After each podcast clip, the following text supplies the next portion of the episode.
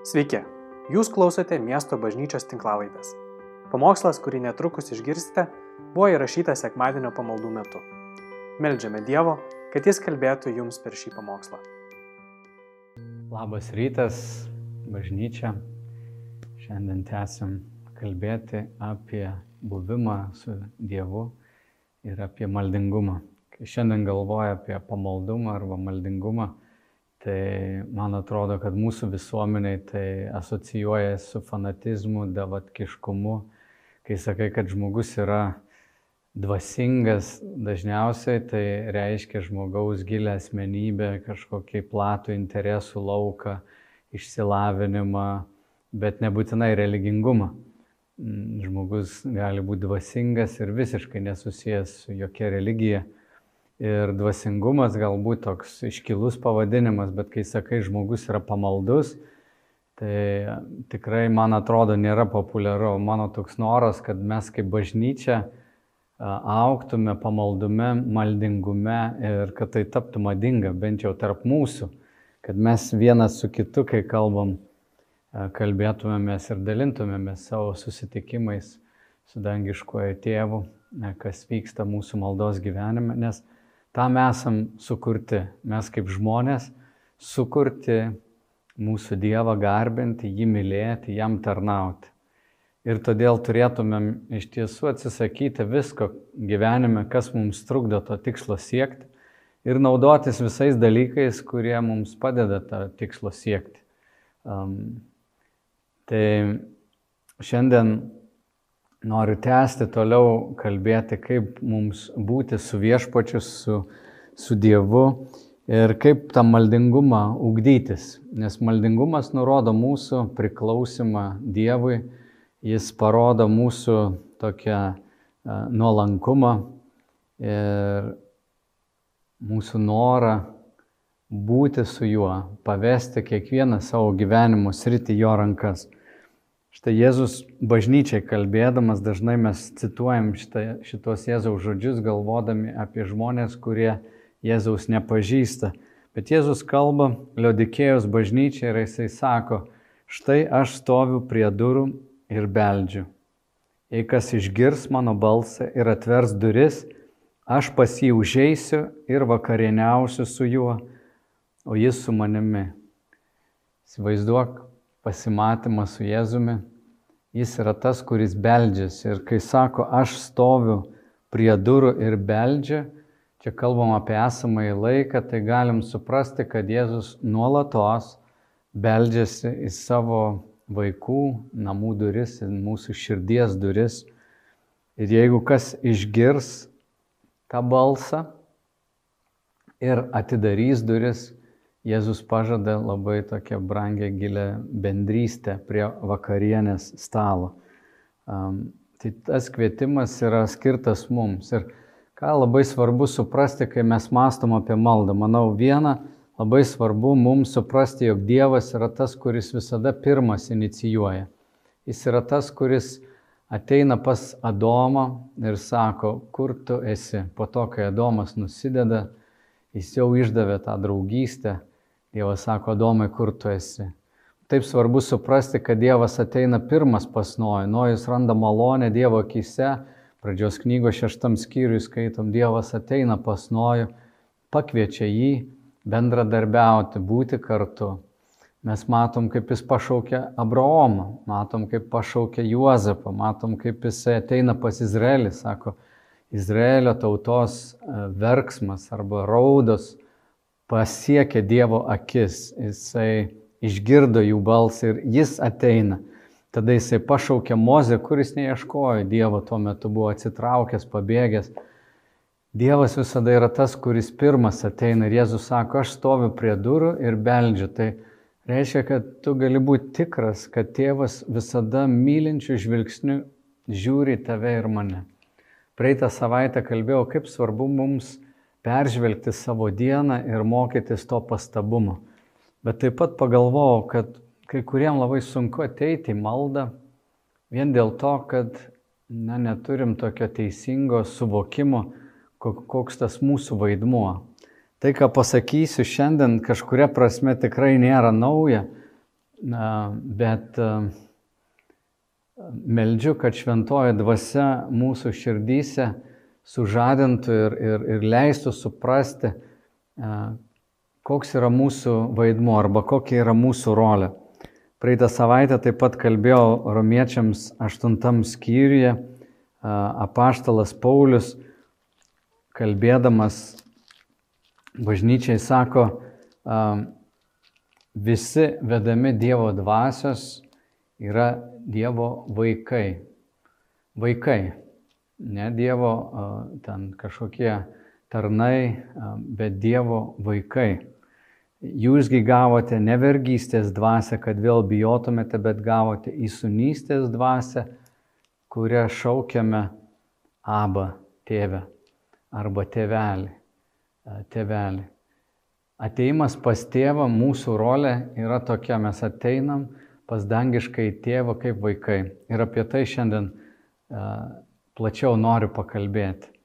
Kad pas Dievą mes ateinam su tai sunystės dvasia, kuri išsilgusi tėvo ir, ir šaukėsi tėvo. Kame sudėtingumas tokio prieimo prie Dievo, ateimo kaip vaik, vaiko pas tėvą. Viena tai, kad gan retas dalykas visuomenėse yra turėti mylinti tėvą. Tai iš tiesų toks įstabus dalykas, kad daugelį šalių tėvo ir vaikų santykis jis toks yra svarbus, bet jo taip trūksta. Šiandien tai yra tiesiog galbūt epideminė netgi problema nes ir įstatymai kažkuria prasme daug daugiau gina mamą, net, nes mama ir būna ta, kuri pasirūpina savo vaikais, o tėvų rolė yra ir kažkiek ir sumenkinta ir, ir mes turim tiek daug išsituokusių porų, turim tiek daug tokio nutolusio to um, našlaičių iš tikrųjų ir tokių ir, ir, ir apleistų, paliktų vaikų.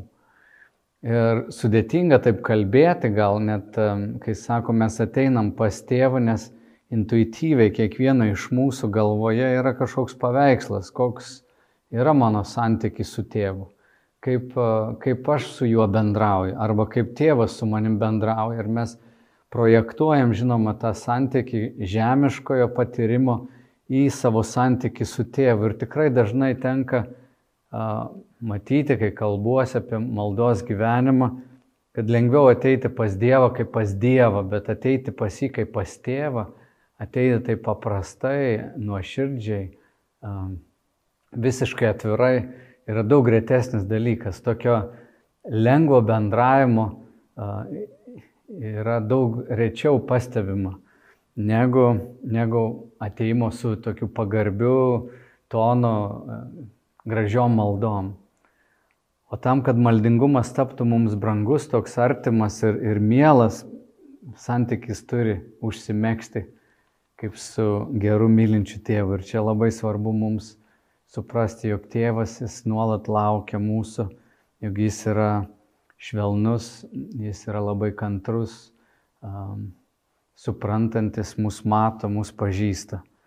Uh, paskaitysiu keletą ištraukų ką Jėzus apie tai sakė. Štai Mato Evangelijoje 19 skyriuje skaitom nuo 13 eilutės. Tuomet atvedė pas jį vaikučių, kad jis uždėtų rankas ant jų ir pasimelstų, o mokiniai draudė jiems.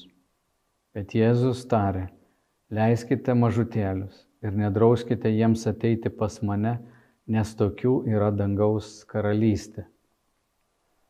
Kodėl mokiniai draudė jiems? Vaikai šiaip, na, turbūt visais laikais kažkuria prasme trukdė rimtiem dalykam. Tuo metu, kai, kai Jėzus gyveno, vaikai apskritai neturėjo jokių teisių. Pas mus būna dabar, kad ir vaikai tėvam gali pagrasinti, kad jie turi daugiau teisių, atrodo, nei tėvai. O, o, o tuo metu vaikai buvo tarsi niekas. Jas, Romos imperijoje apskritai vaikų likimas tragiškas būdavo, jos galėdavo išprievartauti gatvę ir tu niekam nepasiskūsi. Ypač vaikai, kurie buvo vergai arba vergų vaikai, tai jie neturėjo jokių teisių. Ir čia Jėzus suteikia jiems be galo tokią didelę na, pagarbą parodo ir, ir, ir dar labiau jisai pasako, kad tokių yra dangaus karalystė. Vadinasi, tėvo širdis žiūri vaikus, kaip aš kartais juokauju, kad vaikai irgi yra žmonės. Tai čia matom, Jėzus žiūri juos ne tik kaip į žmonės, bet kaip tarsi elitinius žmonės. Nes sako, tokių yra dangaus karalystė, tarsi jiems jau dovanota dangaus karalystė. Bet dar įspūdingesnis galbūt momentas yra Matovo 18 skyriui. Čia pasakyta nuo pirmos eilutės tuo metu prie Jėzaus priejo mokiniai ir paklausė, kas yra didžiausias dangaus karalystėje. Tas klausimas, kas yra didžiausias dangaus karalystėje, būtų galima ir išversti ir taip pasakyti, o ką Dievas labiausiai vertina, ar ne, už kokius dalykus Dievas labiausiai apdovanos um, kokį, kokį turi atlikti veiksmą, kad tu būtum didžiausias. Vat kas, kas ten bus didžiausias? Ir mokiniai, aš manau, užduoda tą klausimą, nes jie masto, aš norėčiau būti tas turbūt populiarus, aš norėčiau gauti aukso medalį, aš norėčiau papulti žiniasklaidą, aš norėčiau irgi, na, tikrai savo širdimi pasistengti, kad būčiau ten pirmoji vietai. Ir štai Jėzaus atsakymas pasišaukęs vaikutį, Jėzus pastatė tarp jų ir tarė, iš tiesų sakau jums, jeigu neatsiversite ir nepasidarysite kaip maži vaikai, niekaip neįeisite į dangaus karalystę. Taigi kiekvienas, kas nusižemins kaip šis vaikelis, bus didžiausias dangaus karalystėje. Rimtas labai perspėjimas. Jeigu neatsiversite, tai ir nepakeisite savo mąstymo, kaip jūs suprantate gyvenimą ir kas yra svarbu ir patys, nepasidarysite kaip maži vaikai, niekaip neįeisite į dangaus karalystę. Jėzus sako, kad tu būtum kvalifikuotas, kad tu galėtum įeiti į dangaus karalystę, turi būti kaip vaikas Ir kiekvienas, kuris nusižemins taip, kaip šis vaikelis, bus didžiausias dangaus karalystė. Taigi mokiniai žiūri vaikelį, stovi, aš manau, išsigandęs. Čia didis rabinas, mokytojas, pasikvietė, suaugę vyrai visi sustoja. Vaikelis stovi vidurinė, žino, kas įvyks. Ir jis turbūt iš tiesų na, nepretenduoja nei į didumą jokį, nei kad jo balsas bus išgirstas. Jis tiesiog turbūt gal susigūžęs stovi galvodamas, ar tik negaus per kepurę, ar nebus kažkaip tai. Žodžiu, jis apie save turbūt labai didžiai negalvoja. Ir Jėzus iliustruoja tą jo būseną ir sako, jeigu jūs neatsiversite, nepasidarysite kaip jisai ir nenusižeminsit, nemastysit, kad jūs esate žemiausi, mažiausi, jūs neįeisit ir jūs nebūsit didžiausi karalystėje. Taigi čia, manau, yra labai svarbu Ir kai kalbam apie maldingumą, čia vienas iš tų dalykų, kur Jėzus mums liepia, einant pas tėvą, pasidaryti kaip maži vaikai. Tai nėra populiaru. Aš manau, na, patapti mažiausiu arba mažiausiai girdimu arba būti kažkokiam ratelį ir galėti galvoti, kad esi mažiausias, čia yra tikras gilus dvasingumas. Netgi bažnyčios tėvai, aš skaičiau istoriją apie vieną kai atėjo vienas vienuolis pas tokį senolį pasiklausti apie didumą, tai sako, kol tu nesupratai, jog esi mažiausias iš visų, tu dvasingumo dar nepasiekė arba to, to tokio gilaus dvasingumo arba to pažangos tokios dvasinės nesipadaręs. Tai kelias, kuris yra mums piešiamas, nėra į puikybę, į didelius pasiekimus, į užgrobimą naujų teritorijų. Jėzus kaip tik rodo mums į vaikelį ir sako, kad santykėje su tėvu į dangaus karalystę mes visi įeinam nusižeminę. Ir aš galvoju, vaikai šiandien labai lengvai gali būti nustumti, paniekinti ja, ir jų teisės gali būti pamintos. Dideliam rate jie gali būti neišgirsti kaip tėvai, mes labai lengvai galim savo gale juos na, užtildyti ir nustumti.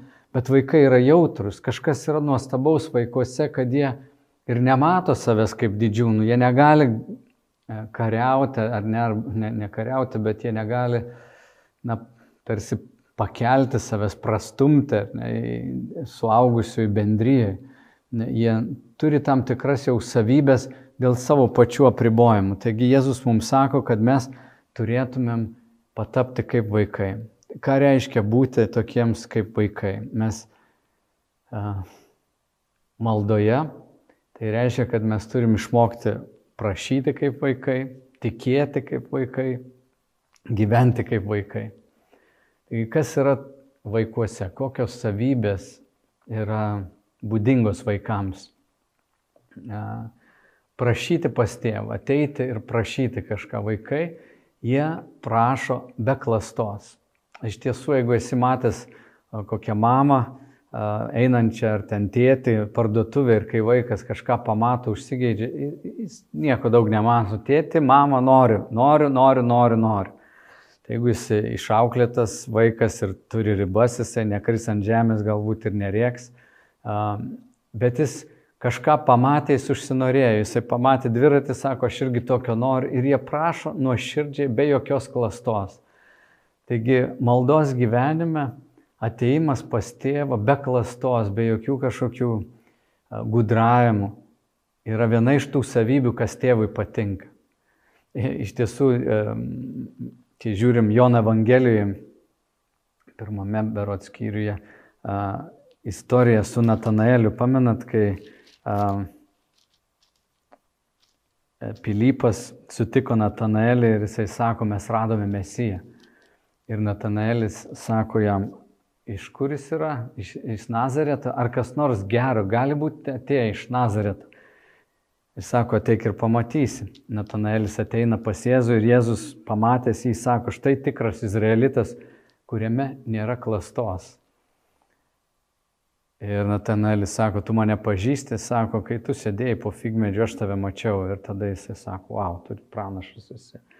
Man kas įdomu, kad e, Jėzus mato žmogų ir sako, štai vyras be klastos. Bet jeigu pagalvotume apie tai, ką Natanaelis pasakė, na tai gan įžeidžianti žodžiai. Ar gali kas nors gero pasirodyti Nazarete, ar ne? Tai pasakytų, ar gali koks nors nežinau, ar gali kas nors gero būti iš žemaitijos kilę.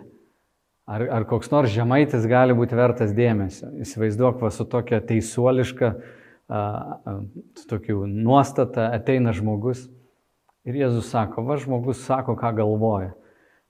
Jis yra be klastos. Štai tikras izraelitas, be klastos. Ir Jėzui patinka nuoširdumas, paprastumas, tas tiesia kalbiškumas, o ne gražbiliavimas, išsisukinėjimas. Ir va čia tikrai vaikiška savybė, kai mes ateinam maldoje pas tėvą, mes turim būti kaip vaikai, galim kreiptis į be jokios klastos. Tu supykęs, tu įsižeidęs, tu a, kažko nori, tiesiog prašyk, be klastos, labai paprastai. Jėzus per kalno pamokslo metu jisai sako palaiminti, tai yra širdžiai, nes jie regės Dievą. Žodžiu, prieimas prie tėvo yra per tyrą širdį, kuri nėra klastinga, nėra veidmainiška, yra nuolanki paprasta, ką galvoja tą ir pasako. Kokia dar kita vaikų savybė? Vaikai prašo nuolatos. Nežinau kaip jūsų šeimose, bet mūsų šeimoje na, vaikus gali girdėti, ko jie nori. Jungi vieną filmuką, jeigu jie nori kitokio, prašys kitokio Bet aš žinau, ko vaikai prašys, aš žinau ryte, ko jie nori. Aš kalbu jau apie mažus vaikus, ne apie gal paauglius, bet va, tas vaiko ta savybė, jie nuolat, nuolat kažko prašo. Kodėl jie prašo? Todėl, kad jie neturi. Kodėl, kodėl jie ateina taip nuolatos? Jiem vis kažko reikia. Jie yra silpnesni, jie neturi savo nekilnojamo turto, jie neturi savo pajamų Ir Jėzus sako, kad mes irgi turėtumėm prie tėvo artėti nuolat prašydami. Jėzus duoda tokius netgi e, na, pavyzdžius e, tokio nuolatinio prašymo. Luko Evangelijos 18 skyriui jisai kalba apie moterį, kuri irgi eina pas teisėją, kad apgintų jos teises. Ir jis duoda tokį, na, gan vaikiškas pavyzdys. Na, eina ir eina ir eina ir eina galiausiai teisėjas sako, aš apginsiu jos teises dėl jos įkyrumo, dėl to, kad jinai eina ir prašo. Vadinasi, tėvas nori, kad mes ateitumėm nuolat prašytume. Ir Jėzus sako, nėra problemos, kad jie prašo. Klausimas tik yra, kai žmogaus sunus grįž, ar beras tikėjimą, ar bus tokių žmonių, kurie ateis dar prašyti ir prašyti ir prašyti. Taigi mūsų tikėjimas tas arba nuolatinis prašymas parodo, kaip giliai mes esam nuo jo priklausomi. Ir tai yra kita savybė. Vaikai, uh, jie tiki labai nuoširdžiai. Um, ir mes turėtumėm būti tikintis nuoširdžiai. Aš galvoju, kad uh, su amžiumi labai lengva tapti cinišku, nes matai daug korupcijos, melų, apgavyščių, išdavyščių ir per laiką gali tapti labai ciniškas, tiesiog nebetikėti niekuo. Vaikai jie nėra ciniški. Pažiūrėk, vaikai labai nuoširdžiai tiki. Aš turiu tokį bjaurų humoro jausmą, kartais taip šaltai pa, pa, pajokauja. Mano vaikai patik, jie, jie, jie, juos lengva būtų apgauti. Aš taip juokauju, ne, nepikdžiugiškai kažkaip ar nepiktavališkai, aš noriu ten juos apgauti, bet kartais, va, tarkim, savo dukrai kažkada sakiau, aš viską žinau, jinai slepiasi, va, Ir aš žinau, kur jis slepiasi. Jis užduoda klausimą, aš atsakau, kartais tiesiog sugudrauji, pasižiūri. Ir jinai tikėjo, iki kažkokio tai amžiaus tikėjo, kad aš viską žinau. Ir aš sakau, argi tu nežinai, aš viską žinau. Ir ji tiki.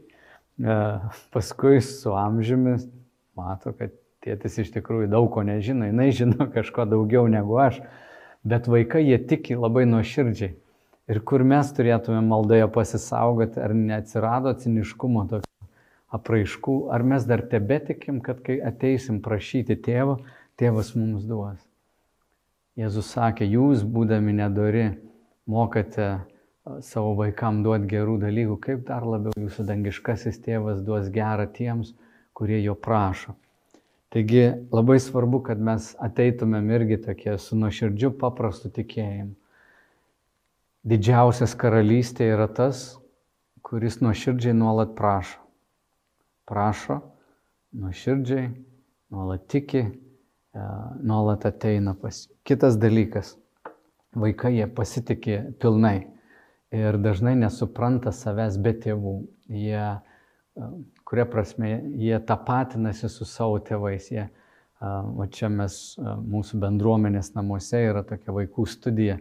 Tai gali matyti va, vaikus ryte, kai tėvai palieka, jie verkia. Vaikai maži, jie išsilgia tėvų, jie save supranta tokiam ryšiai. Ir galvoja, nu, taip, suprantama, kol yra jisai vaikas, jisai turi tą ryšį jausti, paliktas jisai jaučia diskomfortą. Ir tėvų tikslas užauginti vaiką, kad jis būtų nepriklausomas, kad jis būtų savarankiškas, tvarkytų savo laiką, savo, savo jėgas, pastangas, tvarkytų savo, uh, savo darbus tvark, ir, ir visą kitą, ar ne, savo turtą. Bet Jėzus sako, dangaus karalystėje mes turėtumėm būti kaip vaikai. Tai vadinasi, turim nuolat būti priklausime nuo tėvo. Ir čia Jėzus mums yra pavyzdys. Jėzus jisai nelabai net supranta um, save be tėvo. Jisai sako, aš darau tik tai, ką matau tėvą darant. Um, ir kai mes žiūrim į Jėzų, netrodo, kad Jėzus išgyventų kokią nors ten tapatybės krizę, uh, kažkokį nerimą, nes, ne, nes jis negyveno savo, jis negyveno dėl savo ego ar superego, nebandė gyvendinti kažkokių savo planų. Jėzus buvo labai artimame ryšyje su tėvu ir visa jo tapatybė buvo susieta su tėvu. Labai giliai. Ir jeigu sakytum, ar Jėzus buvo geras vaikas, jis save vadino Dievo sunumi, tai sakytum, jis yra labai klusnus, pagarbus vaikas. Sako, aš nieko nedarau, ko nematau tėvą darant. Aš ir tėvas, aš ir tėvas. Jeigu pasakytum, kaip tau sekasi, Jėzus turbūt sakytų, man ir tėvui sekas gerai. Jis savęs net nemato kaip atskiro. Sako, tėve, tu ir aš mes esam viena, aš noriu, kad ir jie taptų viena. Tai Jėzaus troškimas, kad mes eitum į tą santykį, bet į jį gali įeiti tik tais nuolankiai, kaip vaikas, su tokiu visišku priklausimu jam.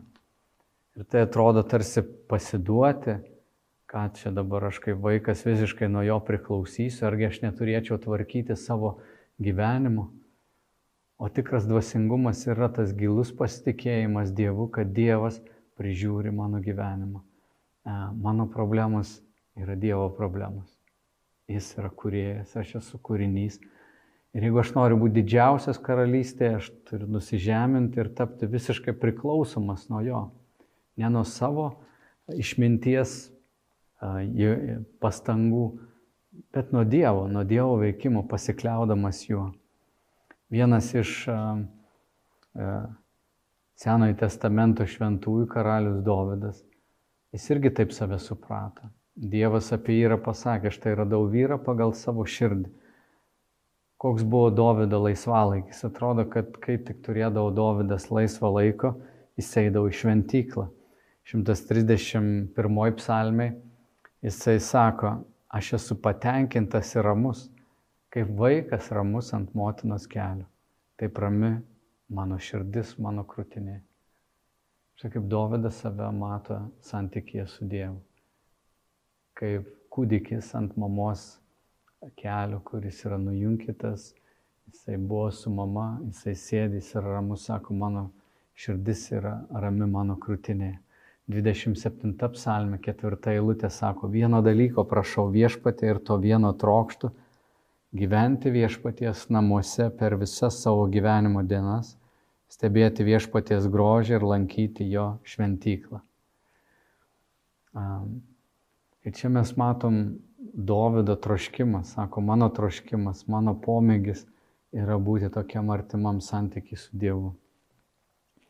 Ir taip kaip vaikam kyla stresas, kai jie yra atskirti nuo tėvų, Taip ir mūsų vidinis žmogus, tas dvasinis žmogus turėtų išgyventi stresą, jeigu yra atskirtas nuo tėvo. Atskirtas, kaip sakiau, praeitą savaitę, nuodėmė tai yra atsiskirimo nuo Dievo būsena, nutolimo nuo Dievo būsena. Tai va, mums tai turėtų kelti kančią ir sąžinės balsas, kaip pakyla, mūsų įtikina dėl nuodėmės. Čia pat mes, kai tik atsiprašom, Dievas mums atleidžia, mes grįžtam vėl į tą priklausimą ir sakom, tėve, be tavęs aš negaliu toli nueiti. Paskutinis dalykas, kurį paminėsiu ir gal daugiau tų savybių galima būtų minėti apie vaiką, bet vaikai jie nuolankiai mokosi. Žinot, visi vaikai praeina tą stadiją, kada jie užduoda klausimus, kodėl, kodėl, kodėl. Tas žingeidumas, nenustojamas toks malsumas yra irgi vaikiška savybė. Ir Jėzus sako, kad vaikai jie, jie nuolat mokosi, jie ateina ir sako, ką dar galėčiau išmokti.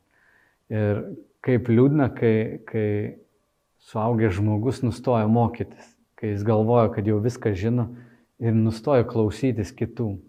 Jis gali tik pamokyti, jam norisi visus, visiems kažką įrodyti, kažką pasakyti. Tai didžiulė puikybė ir, ir, ir sielos kančia. O, o, o tas vaikiškas toks nusižeminimas, nuolankumas nuolat mokytis yra įspūdingas. Um, Aš pamenu tą būseną tokią, kurią išgyvenau, kai e, mano toks e, ir mentorius, kurį laiką buvo daktaras Davidas Šenkas, LCC dekanas, jis e, manęs taip klausydavosi, aš labai jausdavausi protingas ir tik paskui supratau, kad na, jis parašęs krūvą knygų, turi daktaro laipsnį, apvažiavęs 150 šalių pasaulyje ir klausosi manęs, tarsi aš būčiau koks išminčius ir galvoju, aš atsimenu, kaip aš susigėdau e, savęs, kad aš savo akise toks buvau didelis, o jis taip nuolankiai klausys. Ir aš neužmiršiu niekada, kaip Davidas sako, mano vienas troškimas, kai mane palaidos, aš noriu, kad man ant rankapio parašytų, čia yra žmogus, kuris kiekvieną dieną sekė Jėzumi. Ir ta Deivido priklausomybė nuo Dievo buvo tokia akivaizdi, jisai turėjo tokį lengvumą, tokį džiugesį, džiaugsmą, paprastumą. Ir jis nuolat mokėsi, visada klausdavo, kaip tu galvoji, o kaip tau atrodo. O, wow, bet čia yra kur pasimokyti. Taigi santykė su Dievu mes ateinam irgi kaip vaikai nusižeminę, jeigu norim įeiti dangaus tą karalystę e, ir būti didžiausi, tai turim nuolankiai mokytis. Ir aš tikrai galvoju, kad geriau būti vaikų Dievo kieme negu, negu karalium kvailių kažkokiam susibūrime. E, taigi mano troškimas yra patapti, aš, aš, aš noriu patapti labiau kaip vaikas, noriu įeiti tą santykį ir suprasti, kad Dievas yra mano tėvas, kuris mane įsivaikino ir mane priima. Ir Dievas yra tavo tėvas. Jis tave myli, jis tavęs laukia, jis visada mūsų laukia. Ir jisai laukia savo vaikų. Ir jis yra tas, kuris inicijuoja. Jėzus yra tas, kuris stovi ir beldžia.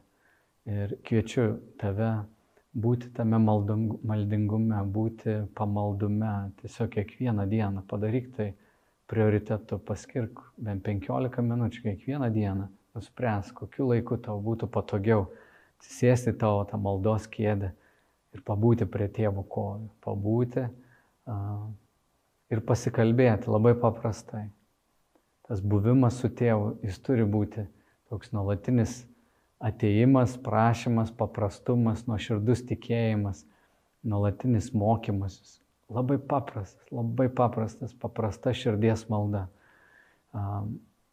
Ir kai mes tokie ateinam su ištemtom ausim klausytis, šventoji dvasia kalba, šventoji dvasia mums šnipžda, prabyla, pasako, kokie esame mylimi. Ir aš tuo ir baigsiu ir meldžiu, kad tu šventoji dvasia, kuri, per kurią mes patiriam tėvo meilę, palydėtum kiekvieną iš mūsų, kiekvieną besiklausantį, palydėtum per šitą ypač laikotarpį, kai tiek daug triukšmo nerimo, viešpatie būti vaikais, nusižeminti tavo akivaizdai ir suprasti tą maldos, pamaldumo, paprastumą, kad tau tėvė yra brangu, kai mes ateinam su bet kokia emocinė būsena, ar sutrikę, ar pasimetę, ar pikti, ar nusidėję, tu tėve pasitinkimus priimi tokius, kokie esam. Ir tu gali mus perkeisti ir padaryti panašius į mūsų viešpatį Jėzų Kristų. Palaimink, pašventink viešpatį visus mus. Jėzus vardu meldžiu. Amen. Ačiū, kad klausėte. Daugiau informacijos apie miesto bažnyčią rasite internete www.m-b.lt arba Facebook, Instagram bei YouTube paskiruose.